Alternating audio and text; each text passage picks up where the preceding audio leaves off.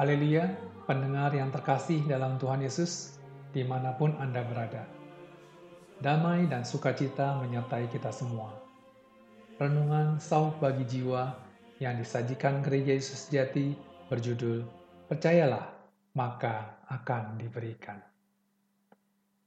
Karena itu aku berkata kepadamu, apa saja yang kamu minta dan doakan, percayalah bahwa kamu telah menerimanya maka hal itu akan diberikan kepadamu. Markus pasal 11 ayat 24. Ini adalah janji Allah yang begitu berharga bagi anak-anaknya. Saya hampir-hampir tidak berani percaya akan janji ini. Yaitu, apa saja yang kita minta dalam doa, asalkan percaya, Allah akan memberikannya. Maka kita pasti akan diberikan Ya, karena ini yang difirmankan Allah. Marilah kita percaya saja. Asalkan yang kita minta bukanlah yang salah atau berupa pemaksaan. Maka tidak ada alasan Allah tidak memberikannya, karena ini adalah janjinya sendiri. Herodes adalah raja yang jahat, tetapi dia tetap menepati janjinya termasuk kepada anak perempuan istrinya Herodias. Dia bersumpah akan memberikan kepadanya apa saja yang dimintanya. Karena itu, dia menyuruh orang memenggal kepala Yohanes Pembaptis. Raja Darius yang menghormati dan mengandalkan Daniel terjebak ke dalam muslihat bawahannya sehingga mengeluarkan perintah larangan yang tidak dapat dicabut. Terpaksa melemparkan Daniel ke dalam goa singa. Allah kita adalah Raja segala Raja, Tuhan segala Tuhan. Bagaimana mungkin ia mengingkari janji yang ia berikan kepada anak-anaknya?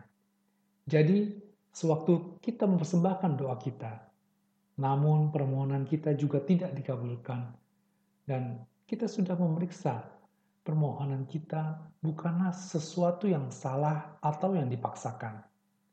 Kita juga telah introspeksi dan yakin tidak melakukan dosa yang dibenci Allah, maka tidak terkabulnya permohonan kita kemungkinan adalah karena waktunya belum tiba. Atau permohonan kita tidak sesuai dengan kehendak Allah. Jika tidak demikian, tidak ada alasan Allah tidak mengabulkannya.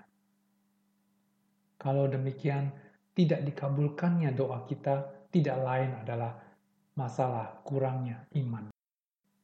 Jangan anggap firman pada ayat yang di atas, percayalah bahwa kamu telah menerimanya adalah sesuatu yang mudah. Sesungguhnya hal ini menuntut iman yang murni. Tanpanya, sulit sekali kita bisa percaya sedemikian hebat. Misalkan Anda sedang mendoakan seseorang saudara seiman yang sedang sekarat.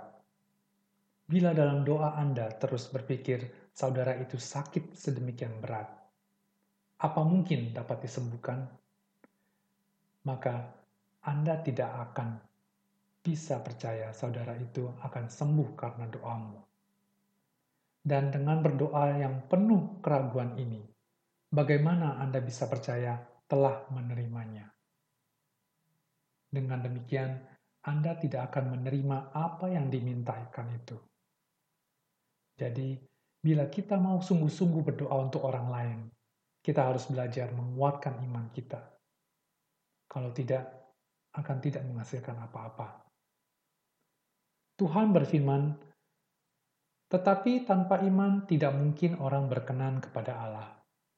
Sebab barang siapa berpaling pada Allah, ia harus percaya bahwa Allah ada dan bahwa Allah memberi upah kepada orang yang sungguh-sungguh mencari dia.